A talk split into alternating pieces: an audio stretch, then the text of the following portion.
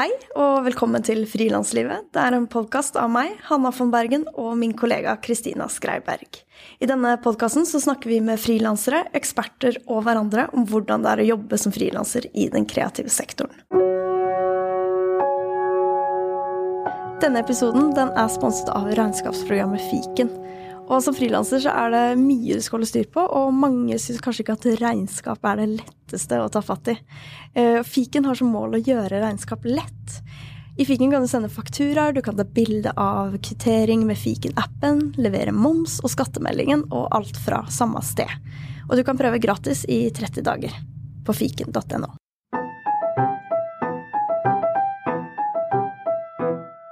I dag så skal jeg prate med musiker, skuespiller, statsviter og kulturarrangør Nosisve Lise Bakwa. Nosisve hun er 35 år gammel. Hun er mamma til Ayela. Og som du hører, så driver hun med litt av hvert. Når du googler Nosisve, så kommer det opp en miks av sceneopptredener, albumlanseringer, politiske artikler i avisene og en anti-atomvåpentale. Nå sies vi hun har en eh, master i internasjonale studier og diplomati. Hun har gitt ut to album. Hun har spilt Nina Simone i teaterforestilling, vært skuespiller i flere serier på NRK, og jobber også med å arrangere Oslo World Music Festival og Tøyen Unlimited, som er en inkubator for unge mennesker hvor de kan utvikle ideer og prosjekter. Altså, for en dame! Hei, Nosisve. Hei. Du, det er veldig hyggelig å ha deg med her på podkasten. Takk. Veldig hyggelig å være her. Jeg kjenner jeg blir litt sånn angstfullt når du leser opp alt uh, jeg holder på med, for det høres litt sånn ko-ko ut, egentlig. Men uh, to rettelser. Jeg har gitt ut tre album, og jeg jobber ikke for Oslo World Music Festival lenger. Ah, okay. Der har jeg slutta. Jeg gjør masse små prosjekt for de fantastiske kvinnemenneskene som driver den festivalen. Men eh, nå har jeg én offisiell jobb, og det er da Tøyen Unlimited Å okay. jobbe som organisasjonsutvikler ja. der. Men ja, ellers så er det Her ser man det her deler av reisen. altså jeg prøvde å google det hardt og lenge. ja. og, ja, så der ser man eh, hvor lett det er å få med seg alt. og det her skal vi jo på en måte komme litt inn i nå, fordi mm. jeg tenkte at vi rett og slett skulle starte med å prate om Det er jo en sånn term som heter multipotensialist, mm. eh, som rett og slett Eh, er en slags kontrast til den her at man skal spisse og drive med én ting og være eksperten. Eh, og så er det veldig mange mennesker som vil drive med mye forskjellig. Man vil bruke utdannelsen inn i forskjellige retninger og kombinere og lage på en måte rare mikser. da, eh, Og drive med ulike ting. Og det vil jeg jo Jeg vil jo definitivt kalle deg en multipotensialist. Mm. Så Det er fint å vite at det er et begrep som rommer galskapen, og at jeg ikke er aleine i det. det. det. er fint. Det er betryggende. Jeg tenkte egentlig når jeg sto på bussen på vei hit, at jeg skulle i hvert fall prøve å reflektere over den reisen som har vært, og den reisen jeg er på, så ærlig som overhodet mulig. Nesten bruke denne timen som en slags terapisession. Fordi man står jo litt jeg står i hvert fall litt overfor en evig eksistensiell krise. Fordi dette multipotensialet, da, eh, og iboende rastløshet og ønske om å gjøre veldig mange forskjellige ting samtidig, har lenge vært en drivkraft, men det er en prøvelse å stå imot det som er normen, som er det å spesialisere seg i én retning. Eh, og jeg da hadde lunsj med min mor og min datter i går. Og så er vi på vei fra Litteraturhuset til en utstilling, og så spør mamma, ikke sant, ja, åssen går det på jobben og sånn.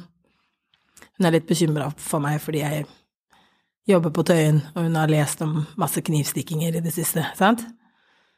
Eh, og jeg må betrygge og jo, det går kjempefint og jo, men er det mye jobb? ja, det er mye jobb, svarer jeg.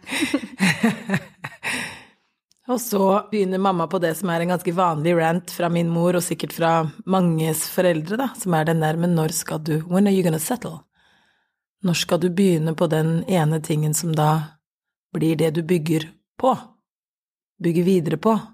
Fordi hun kommer jo fra en veldig sånn tradisjonell og konvensjonell tankegang som er at man utdanner seg i én ting, og så jobber man med det.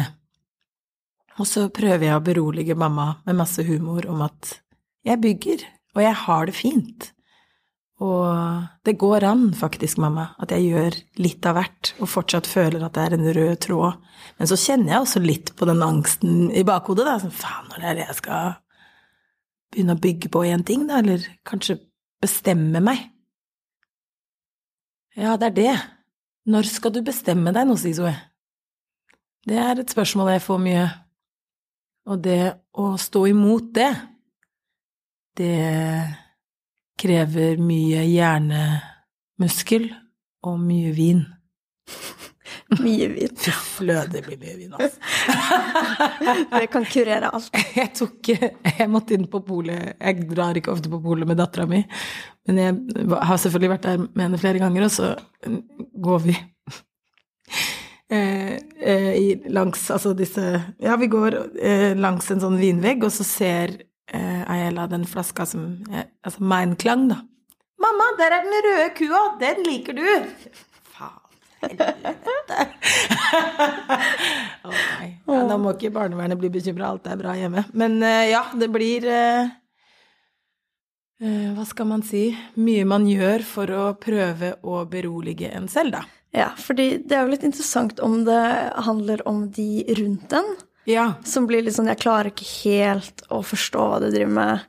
Du faller litt utenfor det jeg har som norm, da. Eller som jeg ser på som et yrke, eller som jeg klarer å skjønne helt hva består av. Eh, min tvillingbror også er sånn her Jeg klarer ikke å forklare hva du driver med, Hanna. Det er noe plattform her, noe plattform der, og noe venter, men og det er noe Det er kaosplot, det er umbira, det er liksom Det er bare masse vanskelige ord som man ikke Som tar veldig lang tid å skulle forklare. Plattform her og plattform der. Den er. Ja, ikke sant? Ja. Men eh, Og så er det jo den delen inni seg selv som er de tankene som gjør det eh, fordelen og ulempen man føler på, da. Mm. Hva føler du på en måte veier tyngest i den der lille gnagende stemmen bak i hodet?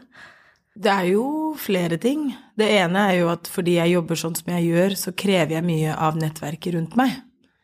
Eh, så de eksterne stemmene får jo veldig mye innflytelse og rom, fordi jeg er avhengig av at de støtter meg for å få hverdagen min til å gå rundt, da. Så da hører jeg Eh, og prøver så godt jeg kan å være sensitiv til det. At noen ganger så er mine behov ganske store, da. Um, for å få gjennomført alle de drømmene og ambisjonene og prosjektene jeg holder på med. Og så er det jo det at jeg elsker å drive på med mange forskjellige ting. Eh, men jeg, jeg, jeg vil jo være god. Jeg vil jo gjøre det jeg gjør, bra. Og det er ofte et, et spørsmål i bakhodet om jeg får til å dedikere like mye tid og fokus eh, i hvert prosjekt. Jeg syns jo som regel at jeg er bra nok, og det jeg gjør, er bra nok, men noen ganger så vil jeg være sabla bra, da. Eh, og det krever mye tid og fokus. Og det er jo ofte at jeg drar sant, og gjør et eller annet prosjekt, om det er på sett, hvor jeg da møter medskuespillere som har sittet med karakteren deres i sant, flere uker og sovet i klærne til karakteren, eller gjort et eller annet sånn fordypningsarbeid, og så tenkte jeg i helvete, altså, jeg har akkurat levert Ayela på dans og må løpe for å Ikke sant? Mm. Har ikke hatt liksom det rommet, eller om ikke har hatt, har ikke tatt det rommet for å kunne fordype og fokusere kun på ett prosjekt. Og så er det jo også det Jeg vet jo at grunnen til at jeg ikke sier nei Eller, det blir feil. Hvorfor jeg sier ja så mye, handler jo én eh, om det å dyrke eh, mine forskjellige eh, interesseområder. Men det handler også om den frilansangsten som vi alle har, om at hvis man sier nei, så blir man mindre relevant, da. Eller så ringer de liksom ikke like ofte tilbake. Det er jo ofte at jeg sier til meg selv, i hvert fall, at det er økonomien som gjør at jeg hele tiden sier ja. Men det er jo ikke det. Det er, det er en slags type junkie-mindset, da. Man vil bare, hele tiden.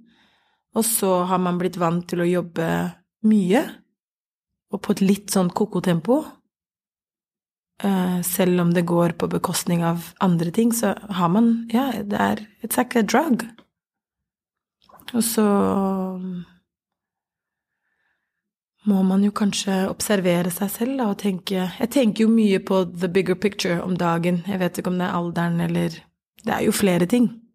Det er jo at jeg har en partner som støtter opp under og elsker meg, men som syns det er vanskelig, da. At hverdagen til Nosisu tar så mye plass. Mm. At jeg har en unge som noen ganger spør sånn 'Hvor skal vi i dag, mamma?' Når jeg henter henne på skolen, og så tenker jeg 'Scheisse'. Det er Selv om jeg vet at det hun får tilbake, er jo min, etter min mening veldig mye mer verdifullt. Min datter er ekstremt uh, åpen og fleksibel. Mm. Um, men ja, det er jo mye uh, eksternt som gjør at den kabalen Apropos det å reflektere ærlig. Jeg spør meg selv om hvor mye plass jeg har rett til å ta eller hvor mye plass mine ambisjoner og mine prosjekter har rett til å ta når min hverdag består av så mange andre mennesker som jeg elsker og ønsker å være med og støtte. Mm. Eh, og så er det jeg jobber med, utrolig givende og inspirerende og gir meg masse. Eh, det gir ikke de så mye. Eller de får jo en veldig glad partner og mor og venninne, men eh, det er et spørsmål som kommer opp mye. Og så merker jeg jo også at alle mine gode vaner er vel det første som ryker når det er mye arbeid. At da, da står yogamatta i hjørnet og får masse støv.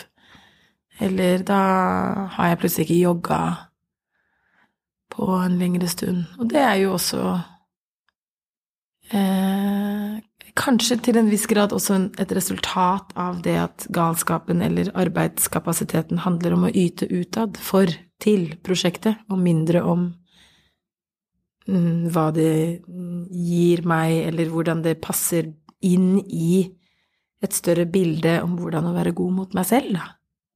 Mm. Og der kjenner jeg meg så utrolig godt igjen i. Yeah. Um, og så har jeg også spurt meg selv mm. Men hvorfor gjør yeah. jeg det mm. Hele tida? Så gjør jeg det igjen og igjen og igjen. Jeg klarer Det er litt som du sier, man klarer liksom ikke helt å mm. holde liksom, fingra unna fatet. Mm. For så plutselig var det det her prosjektet som er helt fantastisk og superspennende. Og ofte så er det sånn det kommer nå, og det kommer ikke tilbake på et kjempebeleilig tidspunkt. Og det beleilige tidspunktet eksisterer heller ikke, eh, egentlig. Så det er liksom, du må enten hoppe på, eller så må du på en måte bare finne en ro i å si nei og fokusere. Eller si nei og gjøre flere ting, men uh, gjøre det Hva skal man si Gjøre færre av de mange tingene. Og så er det jo det at når man, eh, som du sier med det med det beleilige tidspunktet Fordi man hele tiden lar seg påvirke av de tilbudene man får, så glemmer man kanskje, eller jeg glemmer ofte, hva det var jeg hadde satt meg som mål for det året, ikke sant? Jeg hadde også lyst til å fordype meg i et helvetespråk. Altså, det handler jo om disse verdiene man har lyst til å ta med seg videre i livet. Jeg hadde lyst til å faktisk sette av en ettermiddag hver uke som er min ettermiddag, bare min, mm. alene, hvor jeg gjør noe som bare er for meg selv. Jeg begynte dette året, og da har jeg skrevet ned intensjoner. Jeg skal danse igjen. Og da gikk jeg på sånn åpen uke på et dansestudio, fikk gjort én time. Det var helt fantastisk. Har jeg dratt tilbake? Nei. Mm. Og det er selvfølgelig alltid et eller annet annet som får det prioriterte rommet, tidsrommet der, da, ikke sant. Et prosjekt jeg må fullføre, en deadline jeg må se på. Et eller annet annet. Men så, selv om det er jeg som styrer, og det er jeg som jobber, og det er jeg som får gleden av å delta i alle disse prosjektene, så helvete, det handler så mye om meg, og så handler det ikke om meg i det hele tatt. på en eller annen måte. Hvorfor tror du det er så vanskelig å si nei?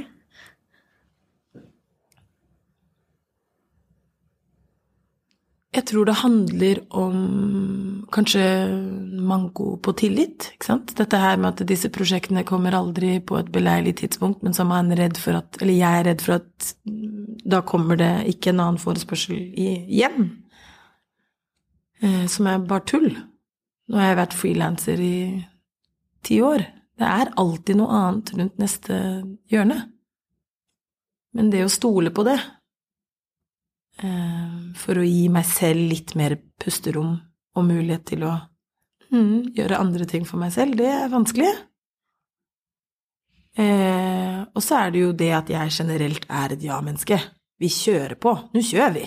Hæ? Det der. Og jeg er en tidsoptimist, som er helt grise. Mm. God kombinasjon. Altså Hva jeg tror jeg kan få til i løpet av en time, er jo Og jeg har, jeg har jo snakka med en god kompis av meg masse, som også er en eh, coach, som hele tiden prøver å liksom spille inn litt sånn Jo, men Noss, det, det der du har skrevet opp, det er tre forskjellige prosjekter som du har skrevet opp som gjøremål. ikke sant? Hver en av de aktivitetene krever at du har ti andre gjøremål inn i den beskrivelsen der. Du får ikke til alt det. Jo, vi kjører! Så det er jo noe med det å ta den derre tidsoptimisten i meg eh, på alvor. Realitetsorientere henne. Og så er det jo det Jeg har jo stor arbeidskapasitet. Jeg har masse energi. Og jeg får jo det som regel ganske bra til. Og så må man spørre seg selv på bekostning av hva?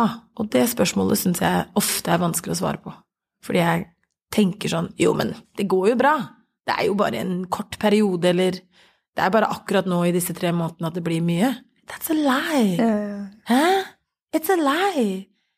Det er hele året hvert år. Ja, fordi har det vært sånn her i ti år?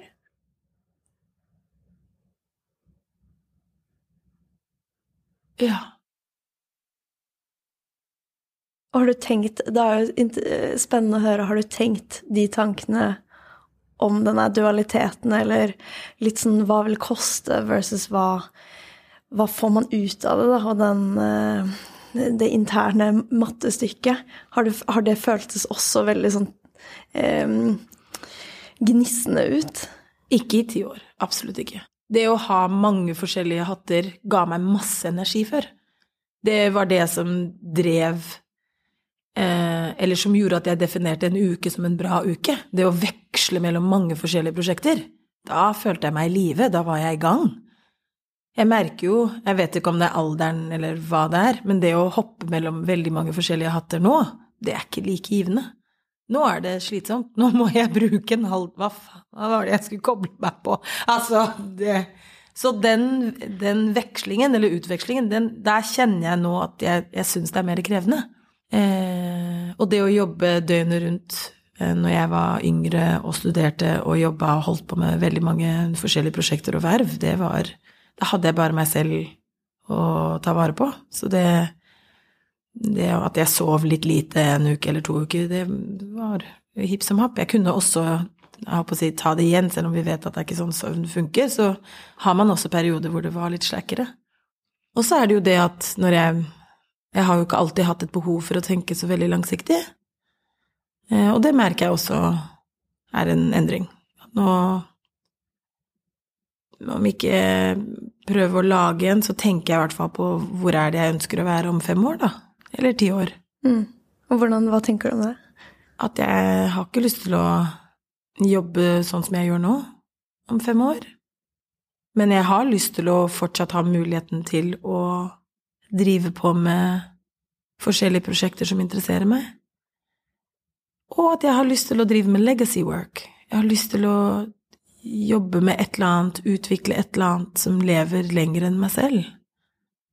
Jeg har jo eh, alltid engasjert meg politisk. Og det er et eller annet Vi snakker om disse krisene, og det er jo alltid en krise. Det er jo alltid nød og katastrofe et eller annet sted i verden. Det er jo alltid altfor mye man faktisk kan engasjere seg i, om det er lokalt eller internasjonalt.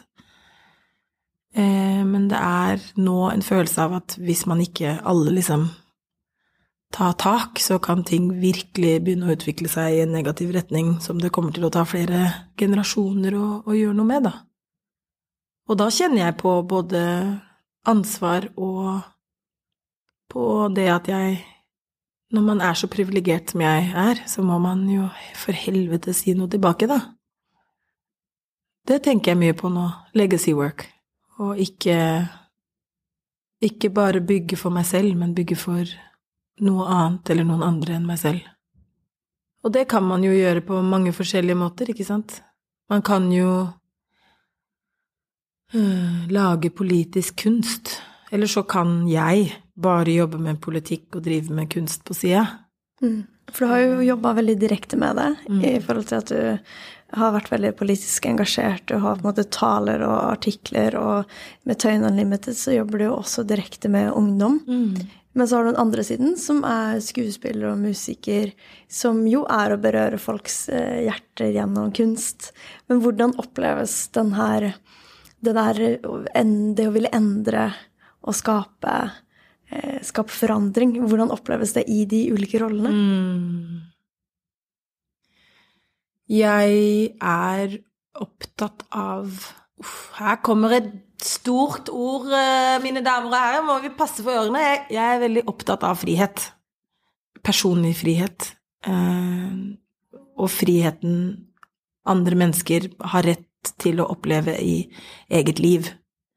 Eh, og det, det er en slags En tanke, et begrep et utopi som liksom ligger og svever alltid in the quest, i, i, det som driver meg fram, i hvordan jeg velger hva jeg jobber med, eller hvordan jeg vil leve.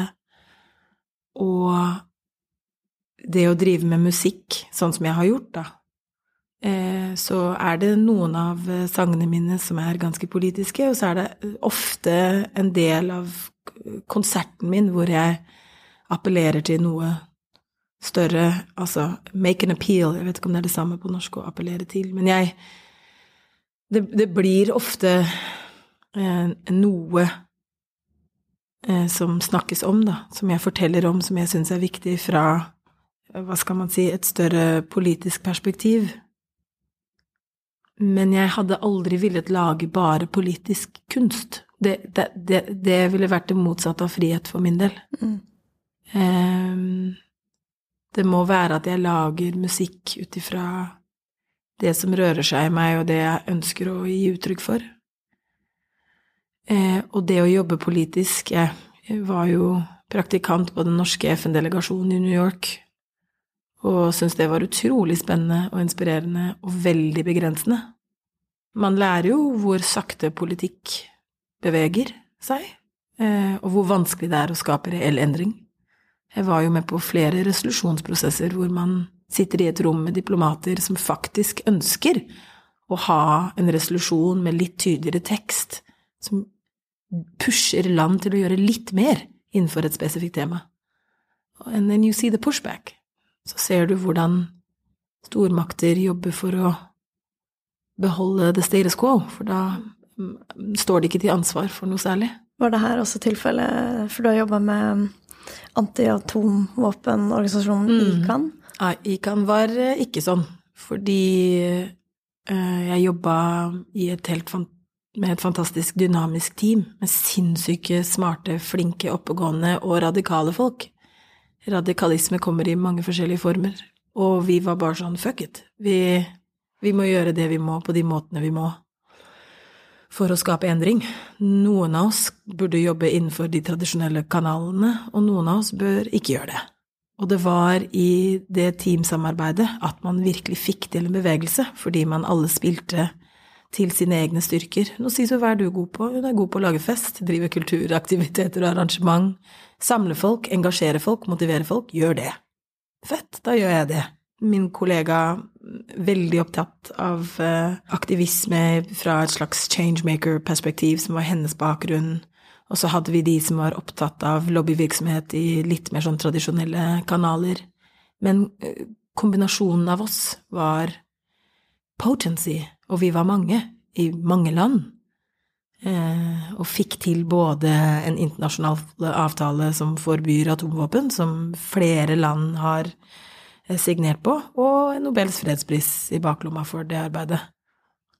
Og der lærte jeg sinnssykt masse om det å jobbe i team, da. Det å være med og skape prosjekter som har lyst til å være en slags motstand. Og noen ganger så er den motstanden altså uttrykt på politisk nivå. At det er eh, ikke bare vilje, men et ønske om å endre noe. Eh, endre strukturene. Og noen ganger så er det politiske bare i det å kunne være seg selv, ikke sant? Fordi det personlige er politisk. Det å være med på kunstneriske prosjekter som handler om å gi rom for at andre folk skal kunne live unapologetically as themselves. Det I mean, that's, that's crack right there. Det, det gir meg så mye, da.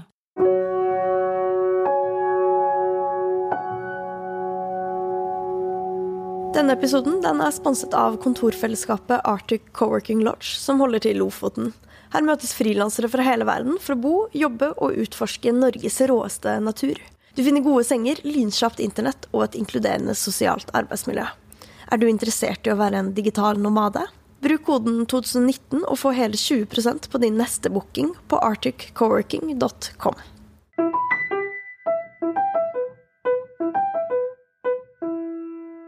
I forhold til hva det er som er viktig med det å være frilanser, så er vel talentet for hva enn det er man jobber for, mye mindre viktig enn veldig mange, hva skal man si, praktisk og strukturting, da. Det skulle jeg ønske noen hadde fortalt meg for ti år sia. Det er én ting med liksom stemmeøvelser, Sisve, men kan du lage en kalender og følge den? det er ikke like spennende. Det er ikke like spennende, men i helvete så viktig det er, da. Ja, Med struktur. Struktur! It's alfa og omega. Mm. Og jeg Hvordan jobber du med det? Ja, jeg jobber med det i hvert fall nå. Nå er ikke det en hustle, eller noe jeg har outsourca til noen andre. Jeg har, skjønt, jeg har skjønt at det er Det krever masse tid. Jeg må sette av masse tid til å bare drive med admin, til å ja, ha rom til å følge opp og skjønne at det passer, og jeg legger nå alt i min kalender. Absolutely everything. Mm. Hvordan var det før? Er det et, en forandring som har skjedd? Det er det. Absolutt. Jeg pleide å legge til i kalenderen eh, Hva skal man si De jobbprosjektene jeg hadde i løpet av én dag eller en uke. Men da la jeg ikke til for eksempel Aelas ting. Den hentingen, den leveringen, eller at jeg måtte hente den jakka på den dry cleaneren fordi jeg skulle ha konsert. Det var et eller annet med det, det store uh, løpet, da, hvor det var uh, the big posts som ble satt ned, men ikke all the small posts, mm. som gjør at uh, det ble ofte mye sånn åh, oh, faen, åh, oh, shit, ok, nå må jeg ta taxi for å rekke å kjøpe rundstykker, eller hva enn det måtte være, da. Mm. Og det å skjønne at min tid, my personal time, er like viktig for et prosjekt, for gjennomføringen av et prosjekt, som prosjektets krav. Litt flink pike-syndrom der også. Så alt som var prosjektets krav, ble satt opp at my time jeg vet ikke hvor jeg tenkte jeg skulle trylle frem my time, men det ble bare aldri satt opp noe sted. Når du sover? nå. you know what I mean? Men istedenfor sånn akkurat den timen der, you know what, jeg kan ikke gå på det møtet, for jeg må på yoga. For det gir faktisk også prosjektet så mye mer, hvis jeg har tatt den timen til å bare fylle opp litt av the personal quote. Mm. Nei, jeg kan ikke gjøre det på en lørdag, for da skal jeg og Ella på Tøyenbadet.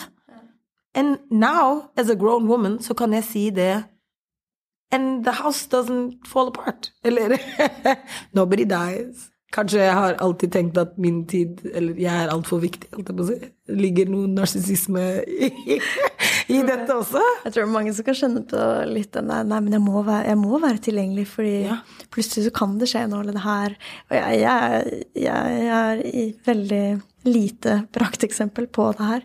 Altfor dårlig til å liksom bare kutte og ta fri, og klemmer ofte inn for mye. Mm. Og det er så fort gjort. Da så tenker man sånn Å, men akkurat denne uka, eller akkurat sånn ble det nå. Men, um, men hvis du skulle ja. svart på ditt eget spørsmål, hvorfor tror du at du gjør det? At du klemmer inn alt? Jeg syns det er vanskelig å si nei. Mm. Eh, litt det samme med tidsoptimist. Eh, mm. Og så syns jeg ofte Tidligere har det veldig vært verdt det. Mm. Det har på en måte, Når jeg sitter igjen på andre mm. sida, så har jeg kjent sånn Ja, men det var absolutt verdt det. Fordi det her var så fantastisk å lage, eller å se publikum, eller den erfaringen man har fått. Eh, og det har ikke ofte handla så ofte om økonomi. Det, for noen år siden gjorde det det veldig. Mens nå er det litt mer sånn Og det er jo nå man har jobba seg gjennom all dritten da, for å sitte igjen og få de her liksom kule mulighetene. Og plutselig så ble det litt mye av de på en gang. Og så har man jo ofte tenkt sånn Nei, det er nesten ingen prosjekter jeg tenker sånn Å, det skulle jeg ikke ha gjort. De fleste ganger så sitter jeg og tenker Jeg er veldig glad for at jeg gjorde det. I helvete. Og det er det som gjør det så vanskelig. Nå rasjonaliserer du masse Altså, det her er helt krise. Hva er det du sier på din egen podkast? Det er jo helt krise. Det er jo helt Jeg er helt enig. Uff a meg. Nei! Det er jo helt forferdelig. Og så sitter vi her og tenker sånn Jo, men det er blod, svette og tårer er verdt det. Fy søren, det er jo sant, vet du. Men det er så vanskelig. Det er den eh, du, du sa tidligere at du hater ordet balansekunst. Hater. Hvorfor hater du det? Hva er det, med, hva er det med ordet du hater? Jeg tror ikke det er uh... Jeg skulle si at jeg tror ikke det er sant, og det er jo ikke sant. Vi vet jo altså dette her med Hva er dette vanlige ordet, begrepet man bruker? Tidsklemma. Der, ja. Det er jo helt vanlig. Men eh, jeg tror i min Det å strebe etter balanse for meg har blitt en, en negativ spiral, fordi den er en selvbekreftende sånn downward spiral på alt jeg ikke får til, mm. heller enn å være et nytt rom full av verktøy som skal hjelpe meg hjelpe meg selv. Altså nå eh, balansen være god mor, god elsker, god venn, god datter, god kollega, eh, god leder Blah, blah, blah, blah, blah. The list goes on. Eh, det gjør jo at jeg setter eh, altfor mange krav på meg selv, eller gjør at jeg fokuserer hele tiden på det jeg ikke gjør, heller enn å fokusere mer på det jeg faktisk gjør. Eh, og være litt sånn rausere med meg selv, ikke så streng med meg selv, og da For går du rundt med mye dårlig samvittighet? Jeg jobber med saken, altså. Virkelig. Eh, jeg tenker det å være frilanser og mor, det det, altså det å være mor, punktum, er en sånn dårlig samvittighetsunivers. Welcome to the world of uh, dårlig samvittighet. Virkelig. Uh, men hvis man har en ukonvensjonell jobb, eller hvis man har en jobb som gjør at uh, man jobber når alle de andre foreldrene ikke jobber, ikke sant, helger, nasjonale fridager, alle de tidspunktene hvor Ja, da kan man få mye dårlig samvittighet. Og da passer på en måte ens egen kalender inn ikke inn i da skolekalenderen, aktivitetskalenderen generelt. Det er en annen frilansmamma, hei Julie, eh, som har eh, barn i eh, samme klasse som min datter. Og det er fint å oppleve andre foreldre som har det sånn som meg, da. Og som også har dårlig samvittighet og kanskje overkompensere med å si ja til litt for mange andre aktiviteter på skolen fordi man har lyst til å også være en tilstedeværende forelder. Jeg husker første gang jeg var på eh, turné eller på reise med dattera mi i konsertsammenheng, var hun fire måneder. Og da dro jeg og sang på åpningen av en uh, kunstbiennial i Nord-Norge. Og hun ene som kuraterte festivalen, hun hadde også akkurat fått et barn, men hennes unge var da noe eldre, ti måneder. Og hun hadde da jobba ganske mye. Uh, og så møter vi hverandre, og så er vi i hva skal man si to forskjellige energisteder. Hun masse overskudd, meg ganske depleted. Og hun hadde da en jordmor som var veldig støttende og sa sånn ja, men du gjør det som gjør deg glad, og det gjør barnet ditt glad. Og jeg hadde en litt eldre jordmor som var ganske bekymra fordi mitt univers var så fremmed. Og det jeg holdt på med, var så ja, uvant. Så hun tenkte at det var ganske bekymringsverdig at jeg skulle ta med lille Bolla på reise. Og da ble jeg engstelig. Da tenkte jeg at nå gjør jeg en dårlig avgjørelse som mor. Hun kunne ikke ha vært fire måneder, hva er det jeg sier, nå er jeg gal. Hun må ha vært kanskje seks måneder. Hun var en liten baby, men eh, hun Nei, hun lo og var tjukk, plunkete. Hun var ikke fire måneder. Her kommer dramatiske og sier hun skal gjøre Nei, hun var i hvert fall ja, seks-sju måneder, da. Eh, og da må jeg ha barnevakt, og da sier min bestevenninne jo, men da kan hun være barnevakt. Men hun hadde jo akkurat også født et barn, og vi alle er i melkerus, holdt jeg på å si, og ingen skjønner hvordan å lage en, en plan. Så hun blir med da, og tar med hennes bolle, som da hennes nå eksmann skulle passe. Hvis dere henger med, så er jeg veldig glad. Allikevel, vi ender opp en gjeng tre foreldre og to babyer og flyr opp til eh, Nord-Norge. Og så står jeg og har konsert, og så begynner liksom melken å eh, gjøre meg bevisst på at nå må jeg se ungen min. Og så sier jeg på denne kunstbiennialen midt i konsert Where is my child? Og så ser alle i publikum på hverandre og ser på meg og begynner å nikke sånn This is deep, this is profound shit. Og jeg bare no, no. hvor, hvor, er faktisk Hvor er faktisk mitt barn? Og så tok det litt tid, og jeg tror til og med det gikk så langt at jeg måtte true og liksom ikke spille en sang til. Alltid i god humør, da, holdt jeg på å si. Mm. Og så løfter Sigrid ungen min som Simba. Oh. Bakerst i lokalet der. Der er ungen din, ikke sant? Ok, greit, jeg så henne. Da, var, da kunne jeg fokusere tilbake inn på det å synge i låtene jeg måtte synge, og så bli ferdig å amme. Og den hele festivalopplevelsen var så fin, egentlig.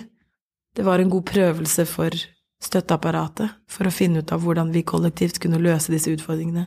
Mine venner, veldig mange av de i hvert fall, er kunstnere, de òg, mm. og har en stor forståelse for at jo, noen ganger må man bare gjøre det man må gjøre, da.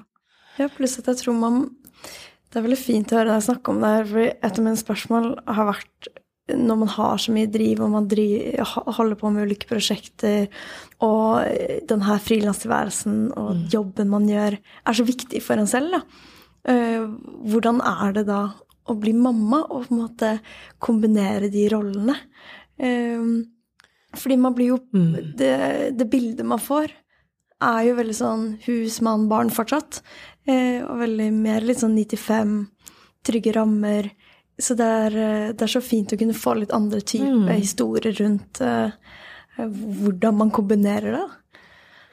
Jeg tenker jo at det fra den turen når Ayela var en liten bolle, og i forhold til alle de andre prosjektene jeg har hatt i etterkant, så har det vært en mental, om ikke prøvelse, så i hvert fall en øvelse i det å ikke ha altfor mye dårlig samvittighet fordi at Ayela ser på barne-TV i et lydsjekkrom, eller fordi at ting ikke ligner eh, Hennes hverdag ligner ikke på alle hennes kompisers hverdag, da. Eh, og man må ha viljestyrke og tro på at det man gjør, er verdt noe, da. Fordi man står imot, som du sier, et så konvensjonelt bilde. Eh, nå høres det bare ut som en kamp, og det er jo ikke sant. Det er jo mye glede i det òg. Ayala opptrådde med meg for første gang når hun var to og et halvt, tre år. Det var ikke ved invitasjon. jeg står og synger på Rådhusplassen. Og så ble kidden gira, da. Hørte en av mammas låter som hun kjente igjen. Marsjerte hun, lille babymagen hennes, på scenen. Oi, der står du, Ayla. Ja, vi fortsetter. Og så tok hun av seg skoa, begynte å slå og lage en rytme foran meg. Står jeg foran en fullsatt rådhusplassen, og det er ingen som ser på meg. Kiden min eh, kjenner en frihet og en tilhørighet til både meg og til scenerommet, som jeg syns er veldig fint, da. 8. mars i fjor var hun med på en konsert jeg hadde på Melahuset. Og da sitter hun i utedressen hennes, hvor hun har liksom tatt av øvre del av utedressen og knytt den rundt magen gjør lekser helt bakerst i lokalet med kjæresten min, og så hører hun hennes favorittsang. Med Sherrox på marsjerer hun gjennom hele crowden opp på scenen fordi jeg og henne har koreografert en dans. Og da begynner hun å gjøre den dansen. Eh, jeg hadde ikke kunnet være frilanser om ikke jeg hadde det nettverket av mennesker rundt meg. Faren til Ayala, kjæresten min, mammaen min, onkelen hennes, alle mine venninner, som er veldig gode på å si ja, de òg, og si ja til meg, Og nå blir jeg litt rørt, til og med. Men det er sant. Eh, også når den Jan kommer fra at hun ringer i hast fordi jeg ikke har planlagt, eller å, oh, shit, hun må jo også hentes fra dans. Og så har jeg ekstremt tillit i mitt barn, da. I hennes personlige styrke, i hennes evne til å være tydelig, til å si ifra når hun ikke syns det er gøy. Um, og så er jeg flink til å lese tegn til å holde meg innenfor en galskap som ikke It doesn't seep through. At den indre uroen doesn't seep through. Mm.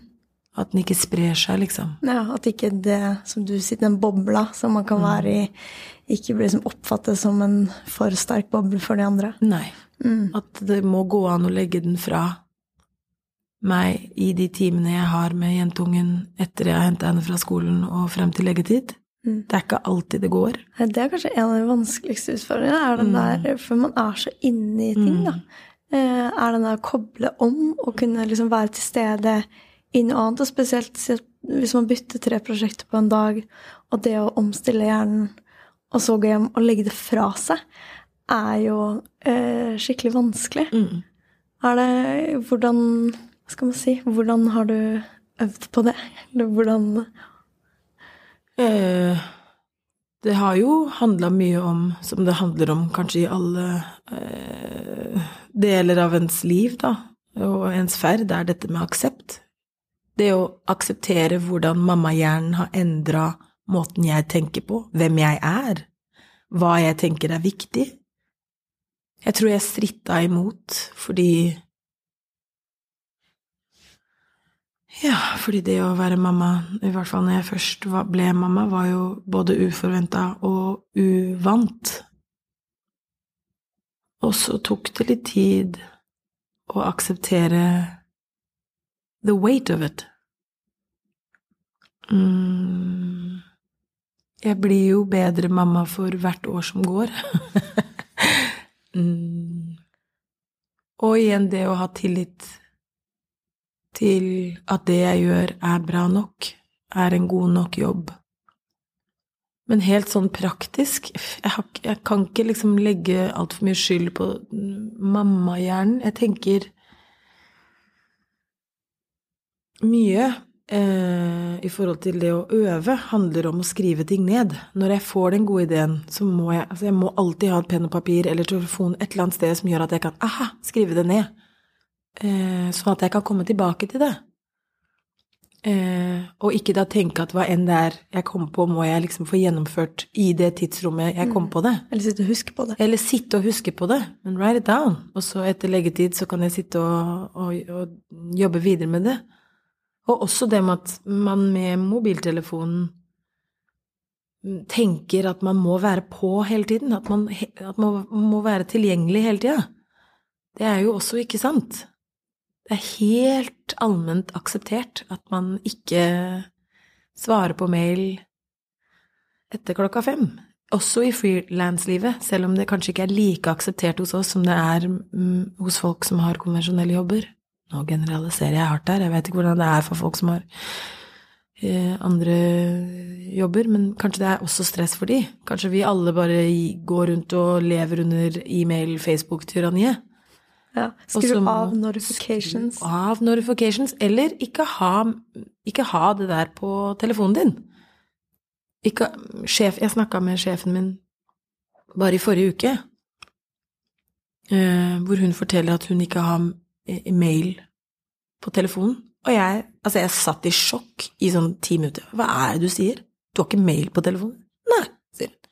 Jeg svarer når jeg, jeg vil. Jeg svarer når jeg har tid. Mm. Ja, for det er jo litt sånn du skal jo, Hvis du går inn på mobilen og sjekker mail når du ikke har tid, så bare skaper du stress. Bare så må du legge fra deg, for du har jo egentlig ikke tid til å sette deg ned og skrive svar. Og, og, hvis det er så viktig, så klarer jo folk å få tak i deg på en eller annen måte. Så det er jo Ja, det er en øvelse i å ikke føle at man trenger å sjekke bare i tilfelle det er noe som er veldig viktig. At man bare legger hele den der hva hvis tankegangen bort, da. Og heller Ja. Og det er jo også, det, også at de folka man kjenner eller har møtt på som bare jobber hele tida, man syns jo litt synd på de òg. Med medfølelse og kjærlighet, mm. selvfølgelig. Men jeg har jo ikke lyst til å være en sånn person. Jeg har jo lyst til å uh, være til stede i nuet. Ikke sant? Jeg har jo lyst til å også erfare mitt liv uten å hele tiden være i, i framtidshodet. For det er jo dette med disse prosjektene i evig utvikling. Man er jo hele tiden on to the next, eller holder på med ting som ikke har skjedd, eller som kommer til å skje. Så det å legge fra seg og det å bare eksistere i det øyeblikket er jo ekstremt givende. Ikke sant? Det er jo ikke et nederlag å legge fra seg eller å ikke være tilgjengelig hele tida. Og de Igjen, alt dette her er jo en øvelse. It's, I am a work in progress, og det er jo hele tilværelsen min. Men jeg føler at jeg har blitt flinkere på det. Jeg har jo akkurat nå eh, bestilt en tvangsferie for meg og Bolla nå i vinterferie, så vi reiser på onsdag, da. Mm. Og da sant, sagt ifra til absolutt alle samarbeidspartnere, og det er jo ingen som melder at det er krise, eller da er det ting som skjer i disse prosjektene. Det er jo bare Kos deg masse. Så jobbe med, ikke sant, egen innstilling. Skal jeg ta data med? Er det vits? For jeg tenker hele tiden om jeg kan gjøre ting etter leggetid. Men det fucker jo også opp med min egen evne til å være til stede i det å slappe av, da. Det er helt sjukt å sitte overfor deg som 35-åring og skjønne at jeg har blitt en av de som ikke er god på å slappe av. Skjønner du? Hæ? Jeg var helt rå på det før. Mm. Bare det å vandre gatelangs uten mål og mening, det å ikke være styrt av egen kalender, det å bare flyte med, ja. det var nesten viktige identitetsmarkører, liksom. I went with the flow. Hæ? Det var jo sånn free, frisk bris-dame som jeg likte Sånn likte jeg å tenke på meg selv, og nå har jeg blitt hun derre overarbeida som alltid sukker kanskje litt mye. Jesus Christ. og du skal vite at uh, vi er så mange ah. som uh, jeg tror jeg kjenner seg igjen der.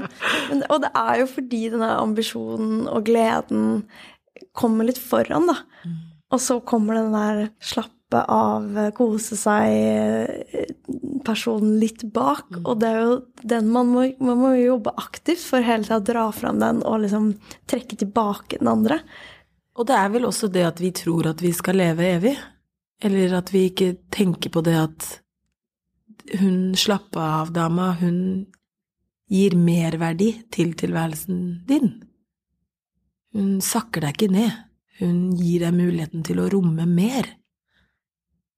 Nå sies jo mm. etter liksom den ene treningsøkta, altså da versus nå sies jo uten noe trening i løpet av en uke. It's, it's two different humans. Mm. Hvordan skal vi bli slappa av dama? Vi skal ta tilbake tida vår, og vi skal innse at den er skikkelig verdifull.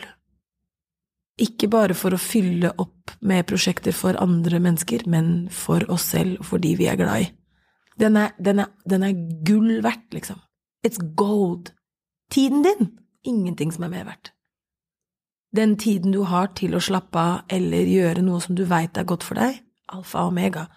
I, I min definisjonsboks, hva er et godt liv? Hæ? Herregud, mm. tenk at vi sitter her sånn Vi, vi har jo sett alle disse klisjé-memesa på Facebook.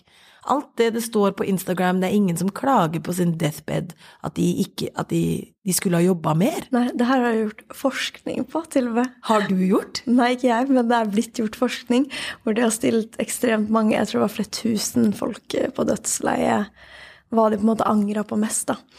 Eh, og da er det å jobbe for mye som er en av de.